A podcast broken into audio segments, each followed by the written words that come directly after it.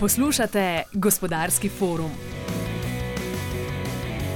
Krize so, krize bodo. Potrebno se je zanašati predvsem na sebe. Vedno je moj moto bil tam, kjer drugi nehajo, gremo mi zraven. Kakšno sporočilo dajemo slovenkam in slovencem? S tem, ko omejujemo dostopnost do finančnega sistema 350 tisoč ljudem. Moram reči, da sem uh, imel kar veliko intervjujev, ampak na ta način tega vprašanja še pa nisem dobil. Jaz nisem najbolj zadovoljen s tem performancem. Namesto da bi razumeli, da svet globalno tekmuje, mi še vedno ustrajamo na tistem letu 45. Ja, lepo, da imate zgodovinske podatke, spet moram biti zelo, zelo iskren. Povejte nam v petih minutah, zakaj bi mi kupili gorenje.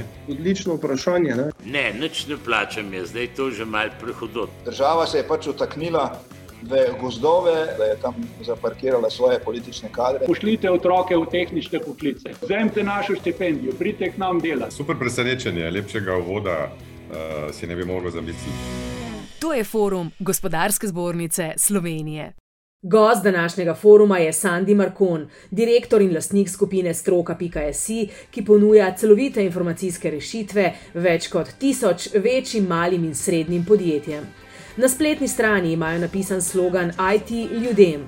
Podjetje je letos strani GZS-ja na državni ravni prejelo bronasto priznanje za inovacije. Sandy Markon, dobro jutro, dober dan. ja, lep začetek, dobro jutro, dober dan. Pozdrav tudi moje imenu vsem in zahvala za povabilo na ta intervju. Mislim, da začeli smo kar optimistično, kar fajn, že to vajanje, kot drugi niso bili zraven, zelo prav prijetno, tako da upam, da nam da nas čaka kakšna dobra ura enega prijetnega, pa ne preveč tehnično zahtevnega pogovora. A smo vas pobožili v smeri dlake z Rolling Stonesi? Zelo, zelo. Zato, ker smo tudi ena naših pesmi, je bila Rolling Stones na eni izmed naših lepih zabav. Dylan, Rolling Stones. To je bilo kar presen spomin zdaj. Zdaj bi šel kam drugam, mogoče, ampak dobro, se tudi online govorijo. Uh, Sandi, povejte, a ste bolj jutranji ali večerni človek kot računalniški strokovnjak? Jaz sem jutranji, čist jutranji. Yes. Jaz stajam v petih in to so moje najboljše ure. Bravo. Ob desetih sem pa mentalno čist skrb nesposoben. Rojen koročec, v, lociran v Radljah ob Dravi. V prostoru, ki je tradicionalno zaznamovan s slabimi prometnimi povezavami, vedno ste veljali za tiste, ki prihajajo nekje oddaleč in preživeti v vašem koncu uh, terja iznajdljivost posebne sorte od človeka.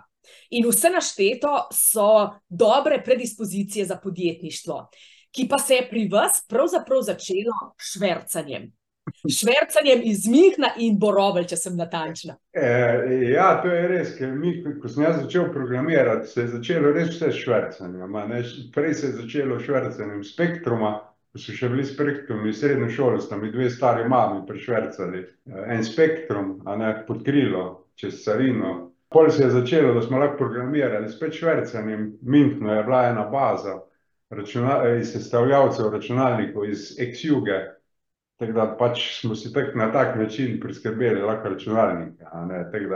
Ker takrat je samo avtotehna imela ta primat, ne, da je lahko v Sloveniji prodajala. Ja, to je bil tak ta urejo trg, ne, jugoslovanski, da je avtotehna imela ceno računalnika, mislim, da 10 tisoč mark določena, ne planska cena.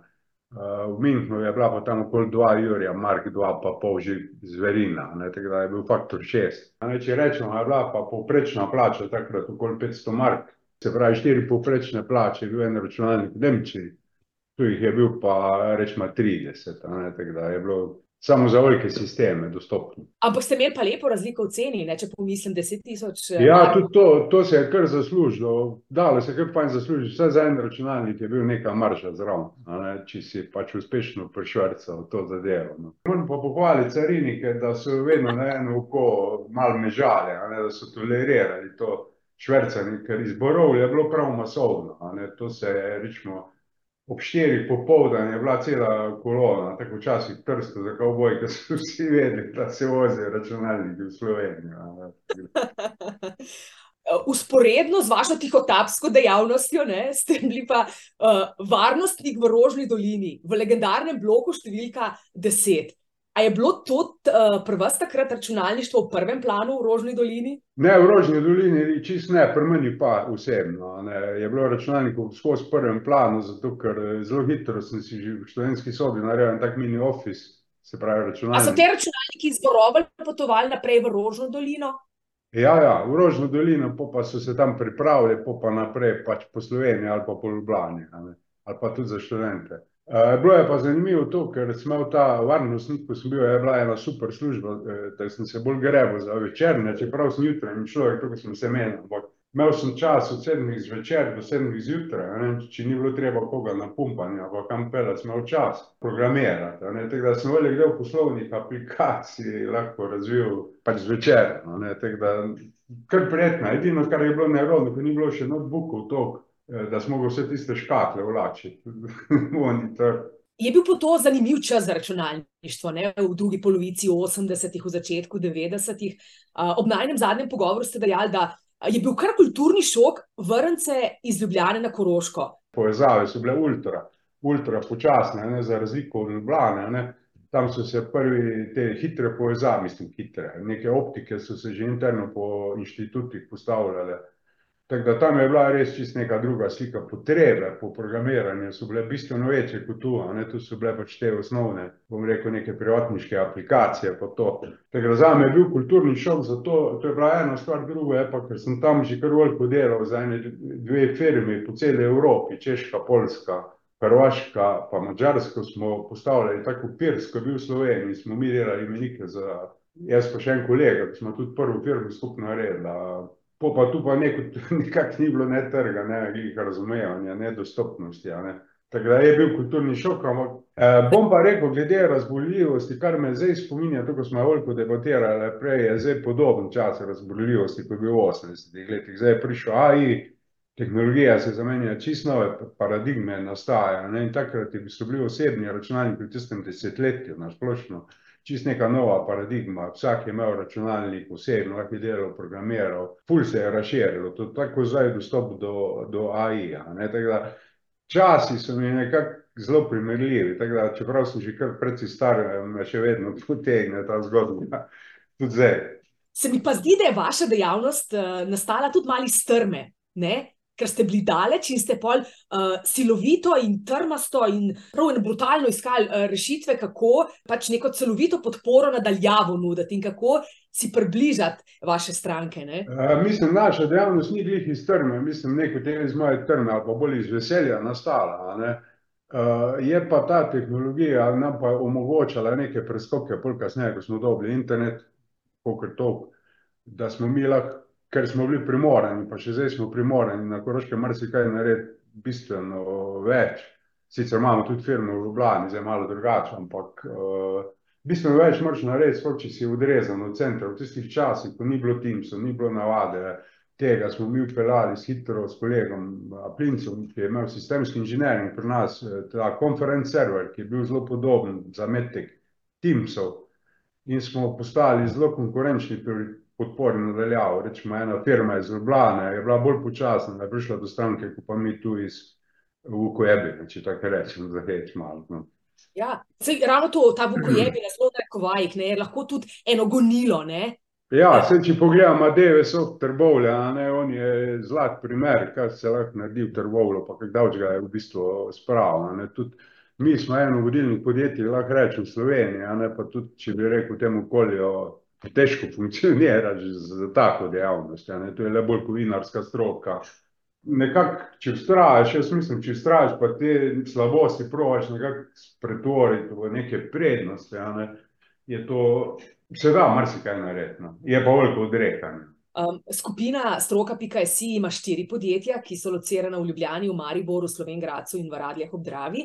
Po kakšnih področjih so specializirana oziroma kaj je vaša um, glavna dejavnost?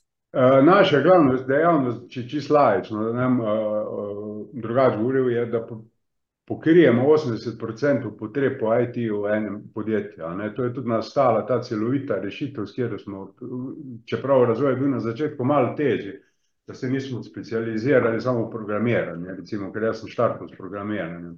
Ampak da smo tudi vključili poslovno informatiko, se pravi implementacijo ERP-ov, vzdrževanje infrastrukture in tudi na koncu web, ki je bil ključnega pomena. Ko smo prišli s parcialnimi rešitvami, je vedno prihajal ping-pong med stranko, pa več dobavitelji, pa nami, pa kdo je zdaj kriv, pa zakaj ne dela, ne, in to predajanje odgovornosti velikokrat ni prijetno. In pol sem se jaz nekako odločil, da stranki ponudimo z naše strani celovito rešitev in če je v redu, smo za to pohvaljeni, če ni v redu, smo mi krivi in se ne umikamo od tega. In to je tudi še zdaj ista filozofija, kar se dogovorimo, mora laupati. Zdi se, da je vaš računalniški sektor v tem trenutku že vse od korone v strmem usponu. Ne? Tako po inovacijah, kot po pospešeni digitalizaciji in sploh po umetni inteligenci. In uh, koliko let ste računalničari že pred nami, kar se tiče tega aktualnega dogajanja na terenu? Zdi se, da tisto, kar mi dobimo servirano kot trend, kot novost, bi vsaj dobrih osem let uh, prej že konkretno prakticirati. Ja, ja, to je res. Seveda, pred, mi moramo, to je naša dolžnost kot firma. Zato smo tudi 2015 naredili razvojni oddelek, ki se ukvarja samo s prihajajočimi novostmi, ki še niso, niso praktično uporabljive ali pa jih niti ne, ne smemo priporočati stranki. Da mi to testiramo prej, prej, da damo. In 2015 smo začeli glih uporabo teh novih tehnologij, umetna inteligenca, blockchain, vem, IoT, digitalna transformacija in smo zastavili to kot eno pot, ki se pa šele zdaj, a ne se pravi po šestih, sedmih, korona nas malo zaustavlja, vse po šestih, sedmih letih se pa dejansko zdaj neki rezultati, delamo neke večje projekte na tem področju in v tem smislu smo kar pripravljeni. Je pa res, bom rekel, široke palete dostopa do umetne inteligence, se bo marsikaj spremenilo, tako da nikoli nisi več čisto točno pripravljen, ker bo zdaj res prememba, spet ena velika, velika zgodba v budučnosti. Glede na porast umetne inteligence in kaj vse nudi, prav oceane možnosti, ne? Smo na eni strani, ok, vsi nas napravijo, ne se bati umetne inteligence, tu je uporabno, je sebi uprit, po drugi strani pa govorimo o zlorabah podatkov. Občutek imam, kot da živimo na pol v znanstveno-fantastičnem filmu in da se scenarij Georgea Orwella začne udejanjati v praksi. Ja, dobesedno se časi tako spremenijo, čeprav Časi se bolj spremenjajo, človek se pa v zadnjih tisočletjih, verjetno ni kaj dosti spremenil, se vedno smo isti, vojne so še vedno po svetu, a ne malo, smo bolj kulturni. Ampak drugače pogledamo, zdaj je pač IT je platforma, ki je nastala zadnjih 30 let in je generalno še posod, praktično ne moreš brez IT platform več funkcionirati. In uh, seveda se pa tem tudi zlorabe bistveno eksponentno večajo na tem področju. Ne. Dobre orodje lahko uporabimo za negativno ali pa za pozitivno reševanje. Za IUN je pa spet ta nevarnost, zato ker bo omogočalo, pa že zdaj omogoča eksponentno več moči timu posameznikov, ki je lahko pač uporabi to kot super biznis ali pa super kriminalno dejanje.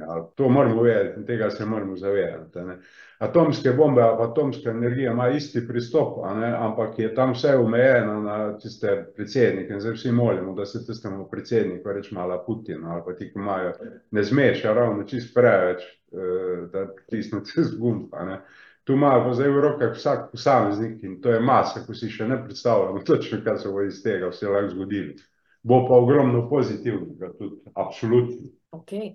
Se premalo zavedamo, da je digitalna transformacija lahko dobra preventiva pred krizo, ki nas čaka, pred krizami. Ne? Ta digitalna transformacija naj bi delovala kot nekakšen pro, eh, protistrup za gospodarsko ohlajanje. Za gospodarsko ohlajanje ali pa za kak, kakršno koli krizno situacijo. Recimo, mi smo en projekt, ko smo tu dobili nagrado, sicer ga nismo implementirali, ker še ni bilo dosti posluha, ampak je pa ful dober.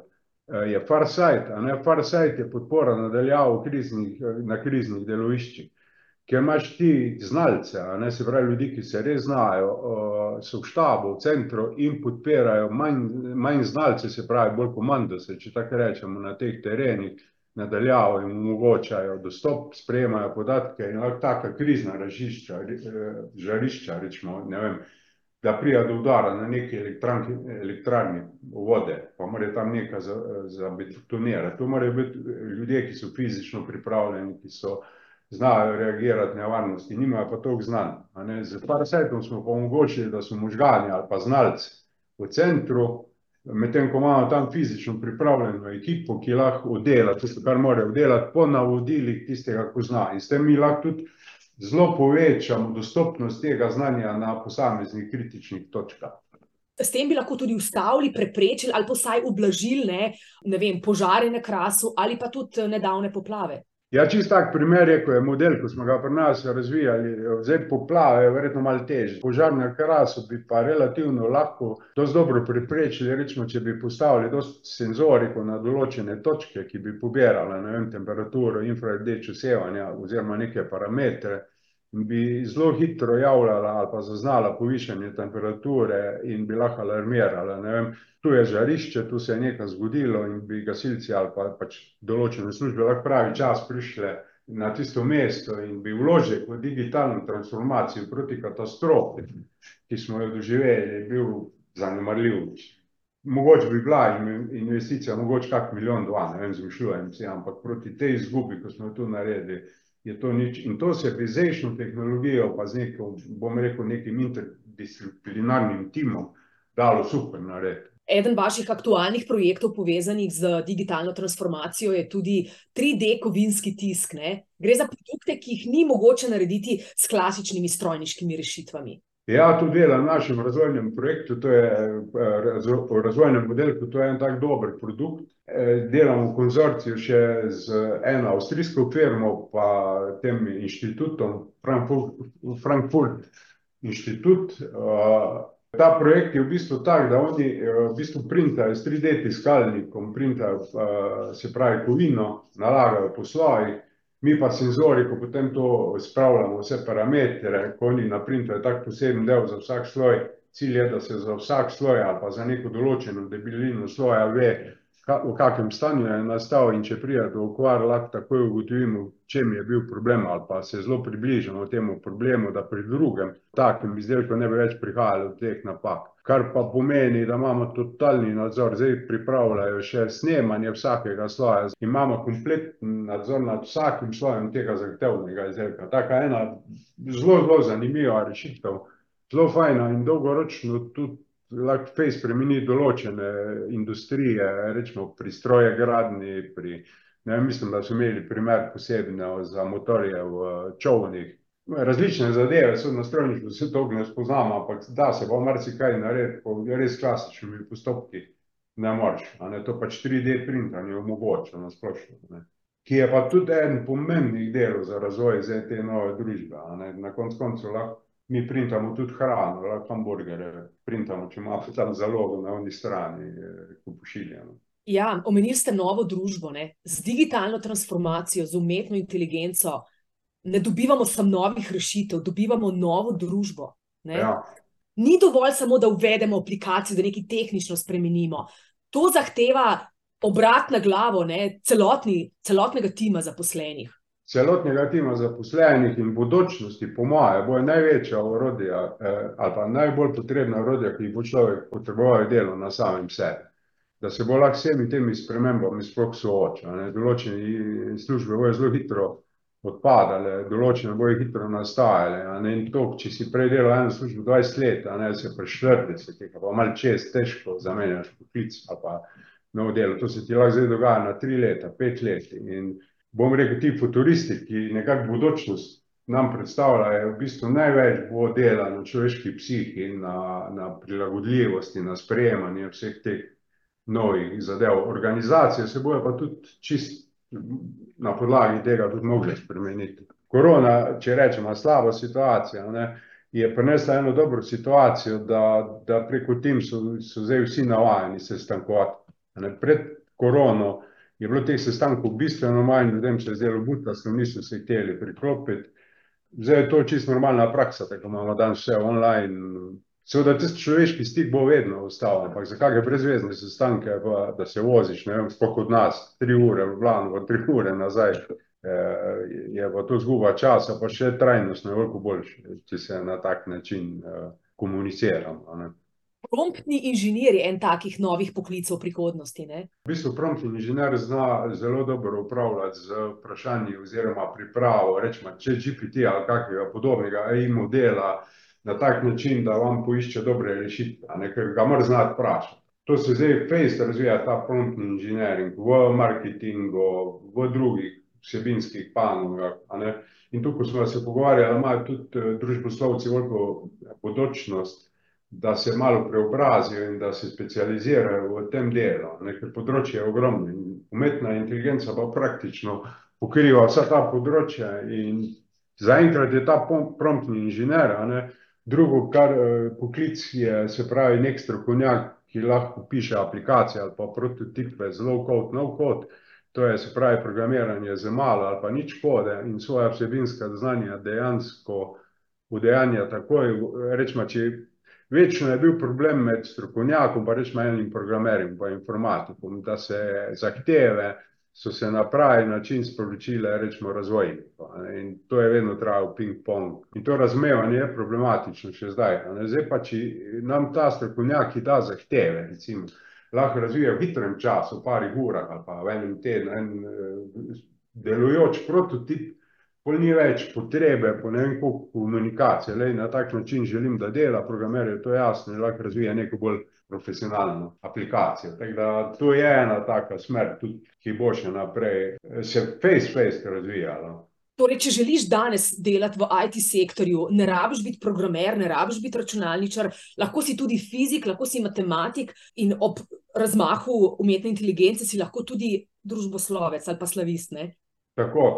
Ker recimo anglist, zdaj, tako sem rekel prej, ne, zdaj je v bistvu ena teza, da je angleščina postala največji programski jezik, ne, zato ker ti praktično z angleščino lahko že zelo dobro programiraš, s ChatGPT-jem se lahko pogovarjaš, boljše je v angleščini kot v slovenščini, a ne, ker mu delaš manj težav, komentarje lahko pišeš v kodu v angleščini in ti on že recimo naredi copilot, ti naredi svojo kodo, tako da v bistvu se paleta poklicev zdaj lahko v IT-ju ali pa digitalni transformaciji aktivira, ne.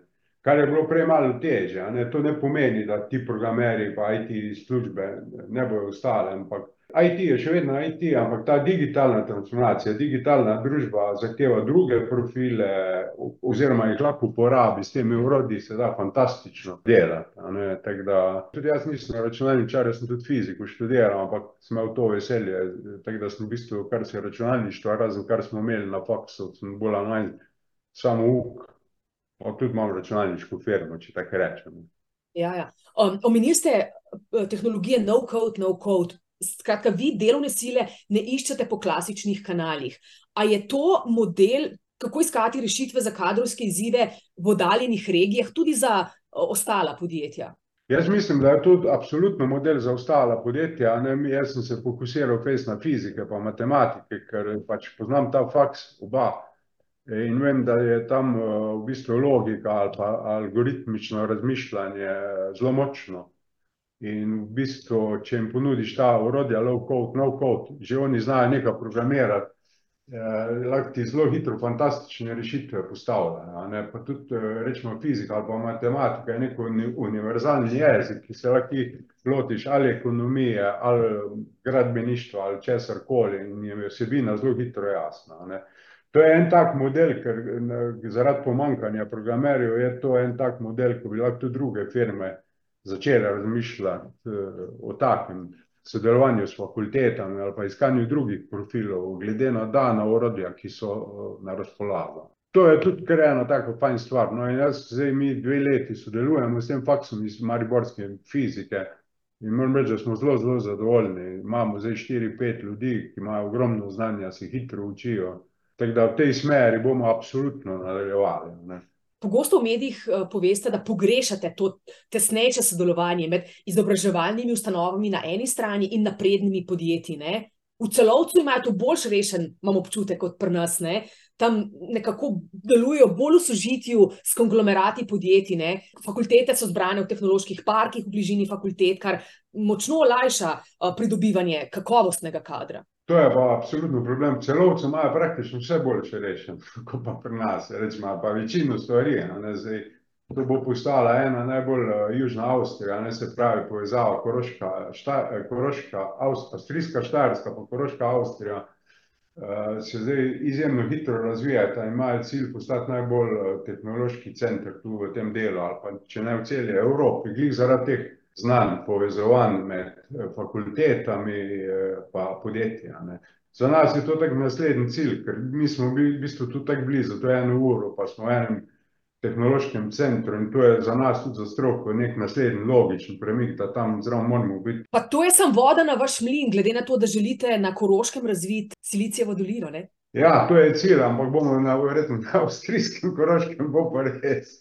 Tu bomo pač eh, intenzivno sodelovali, pa jaz upam ta znanje tudi nazaj v Slovenijo prenašati, ja. To je pa res. Ali lahko znanje Slovencev z področja informatike in računalništva um, konkurirajo znanju svetovnih velesil, kot sta Amerika ali pa Kitajska? Jaz mislim, da Slovenci smo vrhunski tako v športu, recimo, če pogledamo, kak mali narod, pa kakšne športne dosežke dosežemo, da je to itak svetovni fenomen. Uh, smo tudi uh, te, tehnični narod, če pogledamo te naše tudi prebojnike, glede spet na malo Slovencev, nek tehnični preboj ali pa enakovrednost ali pa znanje iz fakultete, rečemo z fizike, čist primerljivo na svetovni špici, smo lahko rečem. Vse imamo tu podjetja tehnična, Devesov, Krapovič, Boskarol, se pravi Pipistrel, pa še kup enih takih, in to so čist tehnične dejavnosti, ker smo vodilni, rečemo Devesov pa je med petimi največjimi podjetji za izdelavo merilne tehnike, ne, kar je fenomenalno za en tak mali narod.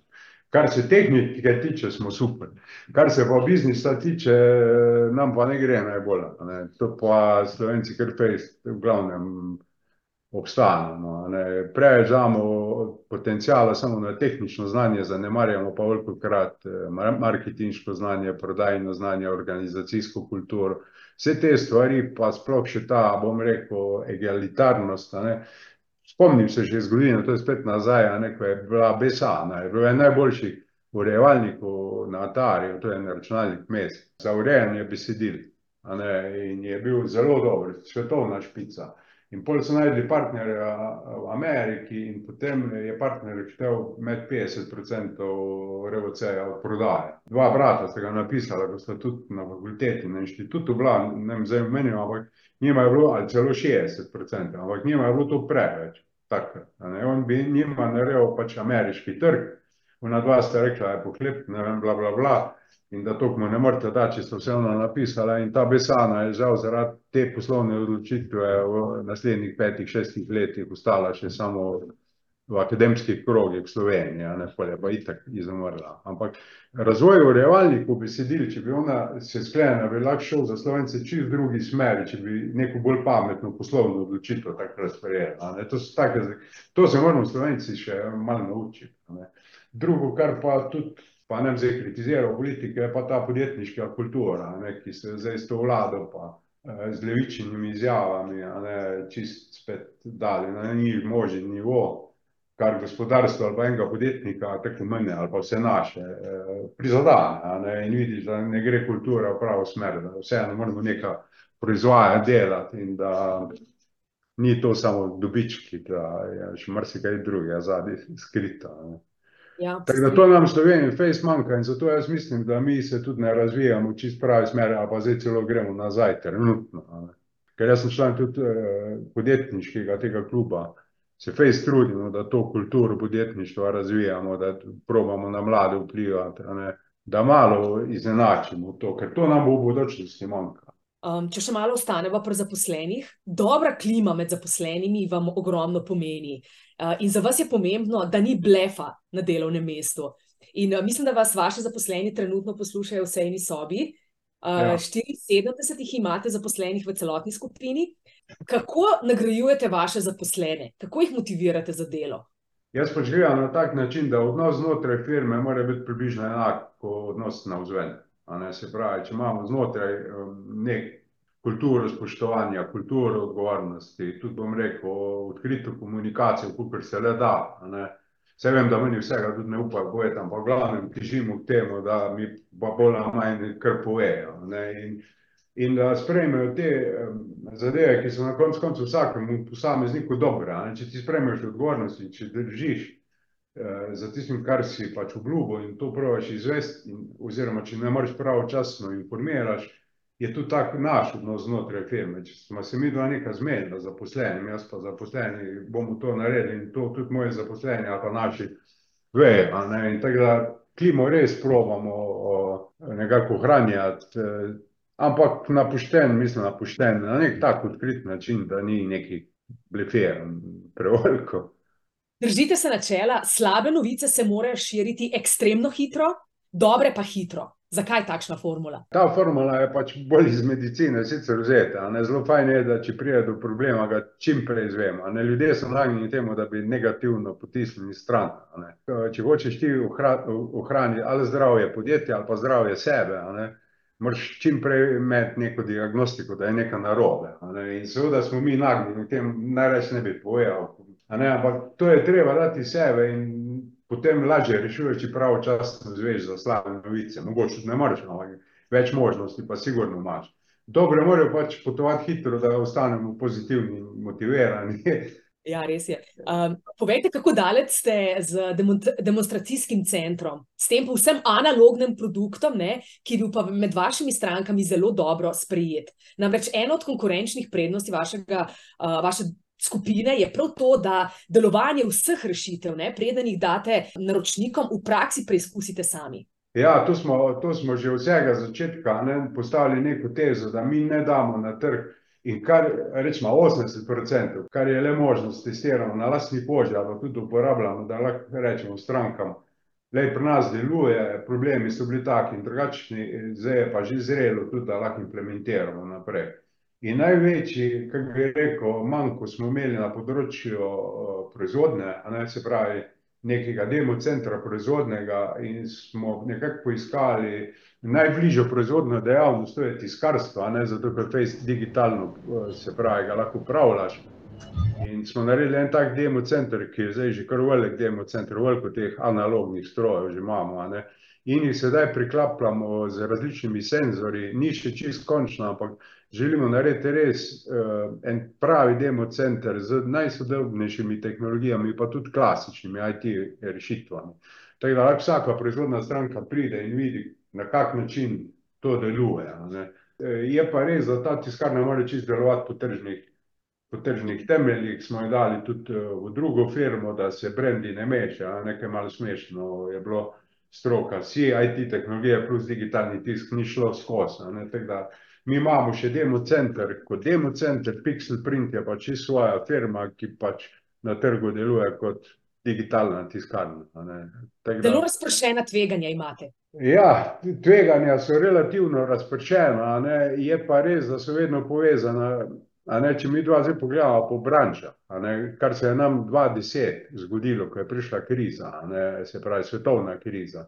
Spet smo vezani na proizvodna podjetja, pa trgovska, ki so spet vezana na nemški trg. In ko cela branža gre, nastane recesija, gremo mi absolutno tu zraven. Ampak to mora biti nek bolj ekstremen dogodek, ker mi imamo zelo malo javne uprave, delamo praktično take zanimive projekte, custom aplikacije, ampak imamo dva podjetja z javne uprave, kjer je stabilen vir prihodkov. Bolj. Stabilen vir prihodkov, ja. Ja, mislim, tam ni neki, da mi je zmanjkalo denarja, zdaj zaenkrat kaže, da ne. Stabilen vir prihodkov ste omenili, sem se spomnila. Za SAZO ste namreč razvili napravo za radijski monitoring, ki je bila prva takšna v tem delu Evrope. To je bilo leta 2008, meni se zdi. 2008. Ja, in ta naprava je tedaj na prvo žogo spominjala na ameriške vohunske naprave. Ja, na prvo žogo je tudi tako en čarik napisali, da je to vohunski, vohunski stroj. Ja, to je bila novinarska, marketinška taktika. Zdaj, ko gledamo nazaj, ne zdaj za udeležence tega seminarja, on pove, da mi poslušamo že, se pravi, 2008, praktično 15 let, mislim, da med 60 pa 70, zdaj številke, ne vem točno radijskih postaj, ker imamo čisto za vsak dan čisto vsa predvajanja, ne, plus tri televizije, enko, dvojko, pa mislim, da pop TV. In to tudi arhiviramo. Tako da jaz mislim, da imamo mi zdaj, kar se bo še zelo, zelo zanimivo zgodilo, ko bomo mi pravzaprav imeli največjo arhiv, arhiv medijskega prostora v Sloveniji. Noben, noben drugi medij tega nima.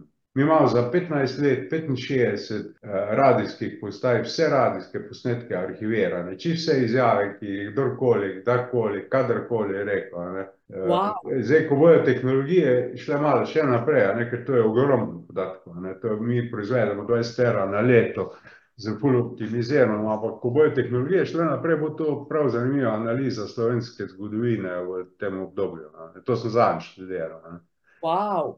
Prav kakim AI-jem, tako da production je še kar vedno aktualen in še vedno ga ima zelo malo, razni Amerikanci se v Evropi, v velikih mestih uporablja, tako na državnem nivoju pa zelo malo, ne, ker je tudi dosti zahteven produkt. Če se vrnem še malo k Sazosu, ste si pa s tem, ko ste nas, na, razvili napravo za radijski monitoring, leta 2008 prihodke povečali kar za 89 odstotkov. Na stroki DO, ja, mi smo dobili tam uh, praktično pol milijona evrov smo dobili nepovratnih sredstev, plus naslednjih letih je Sazos to odkupil po neki dosti ugodni ceni, bom rekel, čeprav je bila visoka, ampak smo pa naredili model, ki je bil za Amerikance približno desetkrat cenejši, ne, da smo precej, precej prilagodili. Tako da na tem delu smo kar en preboj naredili, plus tega smo dobili še APO zraven, agencija naša za spremljanje medijev tudi, ki so tudi še zdaj uporabniki.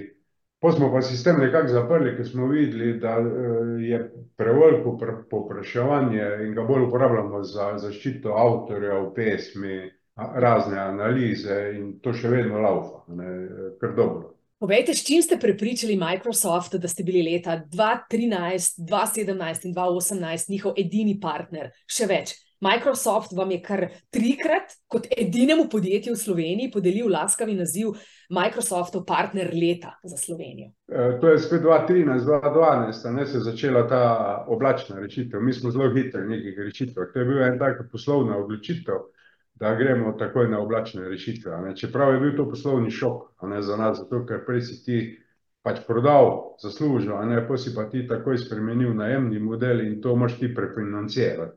Plus tega, da je bila kriza še vedno do dva štirinajst, dva petnajst je itak bila kriza in smo s tem modelom, ko smo zaštartali pa priklapljali stranke Microsoft prepričali, ker smo bili praktično edini, kar je bila vizija Microsofta takrat v Sloveniji. Je pa nam to veliko tudi pomenilo, zato ker mi delamo v glavnem na Microsoftovih tehnologijah pretežno. Potem smo dvakrat zaporedoma dobili, no, samo to nagrado, se ne preveč hvalim, no, drugo smo pa zadnjo, ki je najbolj pomembna, se mi zdi, je pa ta, da ko je Microsoft meril prodajo, ne pa implementacijo, se pravi razmerje med prodajo pa zadovoljstvom uporabnikom, smo tu mi zmagali, praktično smo imeli najboljšo uporabo teh orodij in tehnologij od vseh partnerjev v Sloveniji, zato smo dobri. To je za nas najbolj pomembno, to je IT ljudem, a ne, se pravi, če Marjana dobi neki Office tri šest pet pa uporablja samo Word pa Excel, ne uporablja pa nič kaj drugega, bo nezadovoljna, zato ko ji bo pa ena kolegica rekla: "Glej, zakaj pa ne uporabljaš Teamsov, zakaj pa ne uporabljaš OneNota, zakaj pa nisi v vlaku, a ne." Recimo primer, ne, in ko opolnomoči s temi orodji, ki so res zelo močna, če jih prav uporabiš, ima uporabnik tudi zelo veliko korist, to pa vedno hočemo nekako doseči. A z Applom pa ne sodelujete nič? zdaj za poslovne uporabnike je pač Apple malo neroden, a ne, sploh za poslovne te rešitve, ki so v Sloveniji. Drugače pa ja, Apple je super, naši programerji eni uporabljajo Apple, tako Marjana recimo, ne. Lepi so, ne? Ja, jaz telefon uporabljam pa tablico, kaj dosti pa ne, ker Apple ima tudi malo drugačne partnerske povezave, in ni toliko business oriented, kot smo mi, ne, z Applom delajo bolj partnerji, ki štartajo bolj na, bom rekel, na manjše firme, to so arhitekti, dizajnerji, kake odvetniške pisarne, kaki filmski producenti, grafiki, ne vem, en kup, ampak manjših podjetij, ki ne rabijo takih sistemov. Mi je pa Steve Jobs eden od vzorov, a ne, absolutno. Letos ste bili prejemnik bronastega priznanja za inovacije s strani GZS-ja in ta inovacija je še posebej zanimiva, upam, da ne bo zdaj ustrelilo v prazno. Včeraj sva govorila o povezavi med sanjami in Jungovo teorijo, ne, da so tudi sanje del nezavednega. Kje je tukaj vaša vloga? Ja, to je spet ena taka zanimiva tema, a ne. Mi smo razvijali eno aplikacijo za eno našo poslovno partnerko, ki je razvila, ki je napisala knjigo po Jungovi, Analiza sanj po Jungovi metodologiji. In seveda smo pol naredili to aplikacijo, kjer lahko uporabnik sam si dobi te neke razlage z nekim naročniškim modelom, ampak ta baza je ogromna, ne, sanje je ogromno scenarijev, ogromno kontekstov, bezbroj.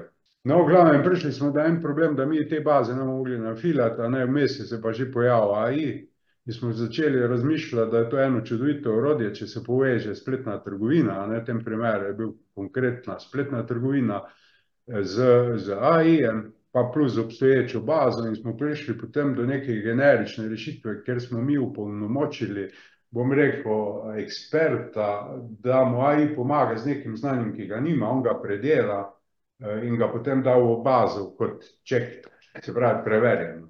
A ne, ker vemo, da ta AI bluzi halucinira velikokrat ali pa ne daje pravih odgovorov, moraš biti z njim kar fejst previden ali pa se malo igra z njim. Tu pa ima zdaj neki ekspert eno veliko možnost, da ga prečekira, dobi neke izhodišča in potem šele, ko ga on reče, to je okej, da v bazo in pol dobi uporabnik. In tako smo prišli do ene rešitve, za kar je bila nagrada, v bistvu je bila za ta generični naziv je res malo bolj, se pravi AI Expert Content Accelerator, se pravi umetna inteligenca za strokovnjake, vsebinske strokovnjake pa pospeševanje, nekaj v tem smislu smo se. Zakaj ne date inovacijam bolj seksi imena? Povejte, kako se je v praksi odnesla vaša naslednja inovacija, za katero ste prejeli zlato priznanje Koroške gospodarske zbornice. govorimo o inovaciji Practismed. V Sloveniji imamo ful probleme z v bistvu razporejanjem visoko strokovnega kadra, a ne, sploh v zdravstvu. In en kolega moj, ki je vodja abdominalne kirurgije, je imel neko rešitev v Excelu za planiranje teh strokovnjakov v Excelu in pol je malo heca nastalo, sem jaz rekel: "Bom pa ti napisal eno manjšo aplikacijo, da v tem Excelu butast tam te zdravnike planiral, no." In pol se je zgodba fejst, fejst razvila in nastal je prvi soft, to še ni bil Practismed, ki je sicer nekako, ni bilo še pravega razumevanja, no, zdaj pa Practismed smo pa še veliko bolj dodelali, v bistvu je res ena vrhunska aplikacija za mikroplaniranje na oddelkih, kjer lahko definiraš time, imaš vse diagnostike in v principu je en tak, bom rekel, ali kirurški ali kak drug tim izjemno hiter. In tisti, ki imajo implementirali te aplikacije, nočejo dati, ne, ni zastojev, točno vidiš, kdo ti čaka, koga si vrnil, kolikokrat si ga vrnil. Jaz bi zdaj ne bom šel preveč v detajle, ker je čisto ena taka dosti specifična vsebina pri organizaciji tega dela, samo si predstavljam, ti imeti v vsakem trenutku moraš vedeti na razpolago, ne vem, tim, rabiš operaterja ena, operaterja dva, rabiš inštrumentarko, rabiš anestezista, rabiš, ne vem, kakega drugega strokovnjaka. In to moraš skozi planirati glede na prihajajoče operacije in s tem, ko si ti hiter, je ta aplikacija tudi omogoča, da jaz vidim, ne, če sem povezan z Ljubljano, Maribor, a imajo oni koga na razpolago, lahko potegnem katerega iz Novega mesta, ne vem. Na tak način mi zoptimiziramo in pospešimo ful njihovo delo in strokovnjaka, a ne, ker recimo prihajalo je do takih anomalij še deset let, pa tudi čez Apple pot, da se en vrhunski strokovnjak z Excelom ukvarja po dvajset ur na mesec ali pa trideset, namesto da bi ta čas uporabil za svoje delo, a ne, se pravi v Excelu klofa, planira, briše, popravlja, a ne. Ta aplikacija nudi ogromne prihranke pa tudi vse podatke, ki jih nosi zraven pacient, točno vemo tudi veliko življenj pravzaprav na tak način lahko rešimo. Tako da zdaj imamo prvo implementacijo za pet oddelkov, plan je deset, UKC Maribor, v Ljubljani imamo ene tri. Tako kot sem rekel, z javno upravo mi bolj počasi delamo, nismo toliko specialisti. Ko govorite o inovacijah, ne, fajn je, da nekaj ostane pa vendarle poslovna skrivnost. To se snema, to gre v neke oblake in v razmahu umetne inteligence se bo v bodoče še bolj dogajale industrijske kraje teh inovacij, teh idej. Ja, inovacij pa osebnost. V bistvu inovacijo moraš ti dati na trg, ne, če ne pač delaš za, ne svojo ženo, mamo pa da te pohvalijo, inovacija mora iti na trg. Inovacija mora živa in ti ne moreš neskončno tudi ne skrivati, seveda ti vseh detajlov ne poveš, tehničnih, in zato je tudi, mi priporočamo, da recimo tako, ko je ta inovacija, da se del AI-ja prenese v firmo samo oziroma da se baza znanja še vedno mogoče ne pošilja ravno v oblak ali pa se res en private cloud naredi, da smo pri tem še vedno previdni, kljub vsem varnosti, ki je na oblačnih rešitvah, nikoli ne veš, da bo kaj nevarno. Zdaj pa to, kar mi dva snemamo, je pa še ena nevarnost, ne, da AI znajo narediti čist nekaj drugega, kar smo govorili. Da naj Vzame najno identiteto, ne? Ja, ali pa si kar zmisli. Ne, smo imeli celo uro politično debato proti ne, sedanji vladi. Ne, Krasni novi svet. Ja, to pa se mogli navaditi, tako smo se mogli avtomobilov, atomske energije pač Kaj bi svetovali podjetjem, ki imajo prevelike količine podatkov, pa jih ne znajo prav uporabiti, oziroma jih ne znajo uporabiti dovolj učinkovito, da bi pridobivali neke bolj koristne in poglobljene informacije sebi v prid, pa bi si s tem povečali dobiček, optimizirali svoj proces? Ne bodo preživeli na trgu, če, ne, če ne bodo izvedla digitalne transformacije. Ne? kar se je zgodilo zdaj v teh zadnjih desetletjih, ne, od začetka, ne, ko smo bila na začetku, pa do zdaj. Ne, zdaj vsi, večina uporabnikov, menedžerjev, pismeni v IT-ju, kar prej ni bilo, uporabljajo vse ta orodja, prijajo zdaj novi menedžerji iz fakultet, ki jim je to vse domače. Ne. In me se je zgodilo tudi, da je en kup rešitev nastalo, ker so se podatki zbirali, taki ali drugačni. Ne. In zdaj v malo večjih sistemih nimajo več nadzora, kateri podatki se zbirajo, ali so to podvojeni podatki, ali se določeni podatki sploh obstajajo, niti ne vejo, kjer podsisteme imajo, to je sploh večjih sistemih. Zato je moj predlog, je, da, ampak to resno mislim, da je treba narediti digitalizacijo, digitalizacijo v vsakem podjetju. Se pravi, kaj se je nam v toku, ne vem, desetih, petnajstih letih nabralo, kateri podsistemi so živi, ne, in katere podatke sploh imam, te podatke dati skupaj po inventuri in potem narediti neko čiščenje, logično čiščenje teh podatkov. Nikakor pa karkoli zavreči, ko nikoli ne veš, da ne bi kaj izgubil. Tako sem rekel, naš radio monitoring lahko postane Slovenska narodna baza, zgodovina predvajanj slovenskih medijev. Ni namen samo glasba, ker, ker je pač zraven nastalo še marsikaj, govor Janše, govor Goloba, to imamo vse posneto, kar so politiki rekli, recimo, ali pa karkoli. isto je s podatki, ne, ne veš, dokler se ne lotiš, kaj hočeš, jih moraš skrbno absolutno pregledati, skrbno se lotiti tega dela in jih uporabiti potem kasneje, ko bojo orodja na voljo za spreminjanje poslovnih modelov, za napake, ki si jih naredil v poslovanju, ker boš videl, ker včasih mi enostavno, dokler ne zberemo nekih podatkov, pa jih analiziramo, niti napak ne vidimo, tega je ogromno. Tako rečejo, podatki so nova nafta, ne, in podatki so nova nafta, zdaj pa, da ti prideš pa do goriva, jih moraš pa fajn prečistiti, fajn predelati, ampak nafto moraš pa vseeno imeti, in ta predelava je pa ta proces, da ti iz nafte narediš neko gorivo, ne, in isto je s podatki, nič kaj veliko drugače. Kako predvidljivi postajamo ljudje, ne, ko prostodušno razgrajamo po družbenih omrežjih, ne, povsod puščamo sledi, umetna inteligenca pa samo črpa iz različnih virov, ne, kar srhljiv občutek, ne, kako predvidljiva bitja postajamo, tako generična, tako, roboti na neki način, ne. V bistvu ljudje smo itak predvidljivi, samo da so zdaj te razsežnosti, a ne, če si se ti prej pogovarjal v nekem klubu ali pa šel na pijačo, si imel omejen obseg ljudi. Zdaj, ko si ti na Facebooku, TikToku, vem, na Instagramu, imaš ti neskončno večji obseg ljudi, ker se pa zelo podobno obnašaš. Pač z drugimi tehnologijami, ja, pošiljaš slike z morja, malo se pohvališ, kako je bilo fajn, kje si se gibal, ne vem, marsikaj, v kateri gostilni si bil, ne, ampak to je pač ena stvar, ki se nam zdi čisto brezvezna, to je brezvezna stvar, če jo midva uporabljava v nekem manjšem krogu, ne. Če pa jaz začnem se ukvarjati s temi podatki, pa hočem imeti nadzor nad informacije ali pa posamezniki, mi pa vse te informacije zelo, zelo, zelo fajn koristijo in tudi lahko vsakega posameznika ali pa družbo s tem na dolgi rok nadziram, a ne, zato jaz vedno pač kar fejst predlagam previdnost na, na teh socialnih omrežjih. Nikoli ne veš, kdaj ti bo kdo kaj zlorabil, čeprav jamčijo marsikaj, ampak eno študijo sem gledal, da ljudje sami o sebi vemo pravzaprav zelo malo, ne, neverjetno malo vemo sami o sebi. Sistem pa vse ve, če hoče, ne, in neverjetno je, da nas da nas bojo sistemi presenetili, koliko oni vejo o nas, koliko pa mi sami o sebi. To bo naslednji kulturni šok. Zdaj na medicinskem nivoju midva točno veva, ne veva gibanje celic, ne, ne razumeva pretakanje krvi, nič ne ve naš neokorteks o tem. Ampak senzorji pa neki algoritem bo pa naenkrat vse vedel o nas, tudi kake spolne usmeritve smo, ne vem, karkoli bo sistem vedel, mi pa še ne, recimo marsikaj ne vemo. Tako da te podatke je pač previdno, previdno treba nekako ravnati. Ob vsej digitalizaciji, ob vsej high-tech, ob vsej umetni inteligenci, bo pa na koncu dneva štel high-touch. Človeški stik bo premium izkušnja v prihodnje. Nedvomno, zelo pomemben, edini, edini še ta odnos naš, človeški, bo ključen. Ker mi dva tudi čisto drugače se človekom pomeni, ko pa preko Teamsov, če imaš en sestanek živo, če ga hočeš začutiti, to pa bo ostalo.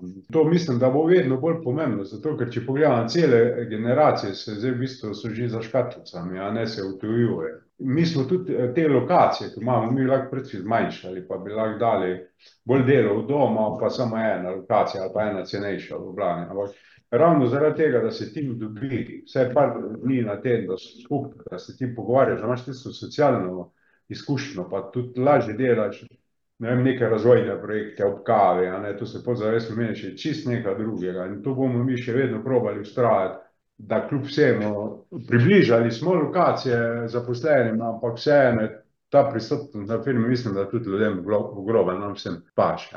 Absolutno, absolutno. Sva skoraj da v ciljni ravnini. Kje bo stroka.si čez pet let? Kake ambiciozne načrte imate? Ja, mislim, ne vem, kako ambiciozne, ne, ampak slišalo se bo ambiciozno, ne. Mi, jaz sem ugotovil, da storitveno dejavnost ti ne moreš razvijati skalabilnosti, ne, in da smo mi z rastjo nekaj tu na nekem vrhu s to dejavnostjo, ko zdaj izvajamo, ne, ker ti ne moreš dobiti več, veliko več ljudi oziroma ne moreš rasti, samo širiš število ljudi, število strank v isti dimenziji. Tako da naša usmeritev zdaj je predvsem razvoj produktov, ohranjanje obstoječe dejavnosti na tem nivoju pa razvoj nekih produktov, kjer pa ti lahko dosežeš neko skalabilnost na trgu, se pravi večjo prodajo, da naš plan je v petih letih nekako narediti tri evropske, recimo enega vodilnega slovenski produkt, recimo a la Praktismet ali pa kak podoben, pa ena, dva, tri evropske vodilne produkte, pa enega od teh pa en, da bi bil svetovni. To je neki cilj, še za pet let, pa da bi se nekako pozicionirali tudi celo še zraven v tem tehnološkem parku, ker tam mislim, da moramo biti zraven, blizu smo, in tam se bo še marsikaj dogajalo in te bližine ne smemo zanemariti, ker je res možnost. Pa želja je, da bi s svojimi storitvami pokrili osemdeset odstotkov potreb, srednjega, velikega in malega podjetja, ne? Tako, to pa nekako zagotavljamo, ne, sicer tu portfelja ne širimo več toliko, ker to je to, kar se IT-ja tiče, kar se pa digitalne transformacije, gre pa za neke posamezne rešitve, ne, recimo tako ta mišica, ko delamo te nadzor baterij po celi svetu, a ne, zdaj ta razvojni projekt. To so pa take nišne rešitve, on ima svoj IT-oddelek, mi neke segmente mu rešujemo, drugo ima svoje zaprto, ampak ta produkt v digitalni transformaciji je pa čisto neki specialen produkt, ki mu omogoča nadzor nad temi akumulatorji pa baterijami.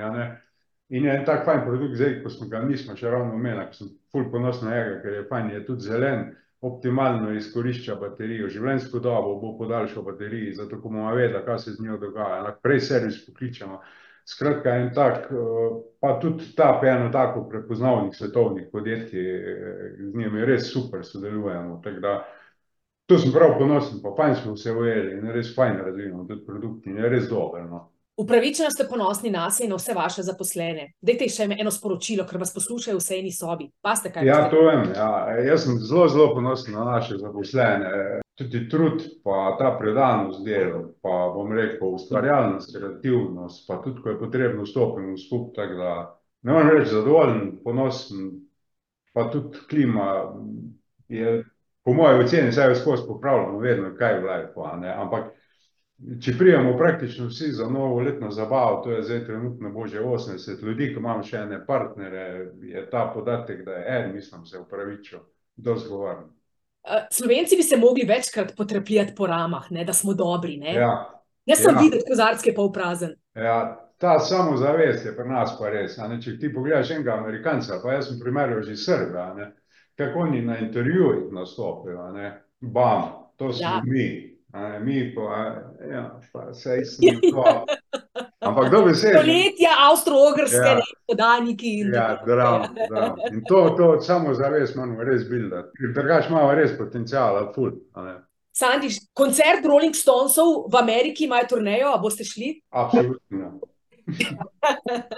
Ne, Vegas grem pa vsako leto. Ne, Vegas sem videl, da radle niso največja puščava na svetu. Bravo. Veseli me, da ste ostali z nami, spoštovani gledalci in poslušalci in poslušalke in gledalke. Ste v formi, mikrofone še pržgite, našemu gostu, ki je bil karizmatičen in meni ljub, namenimo en velik aplaus. Bravo. Bravo na Koroško, bravo tudi vsem zaposlenim. Stroka.si. Prav, Sandi. Hvala, se pridružujemo temu, ja, da stroka.si daje krila koroški regiji in naj bo tako tudi v bodoče. Ne bo samo nebo vaša meja. Če ne bomo najti kakega drona. Sandi Markon, iskrena hvala za ta navdihujoč pogovor. Jaz sem uživala, upam, da tudi na drugi strani. Ja, jaz absolutno sem užival, zelo sproščen, zelo fajn je bilo.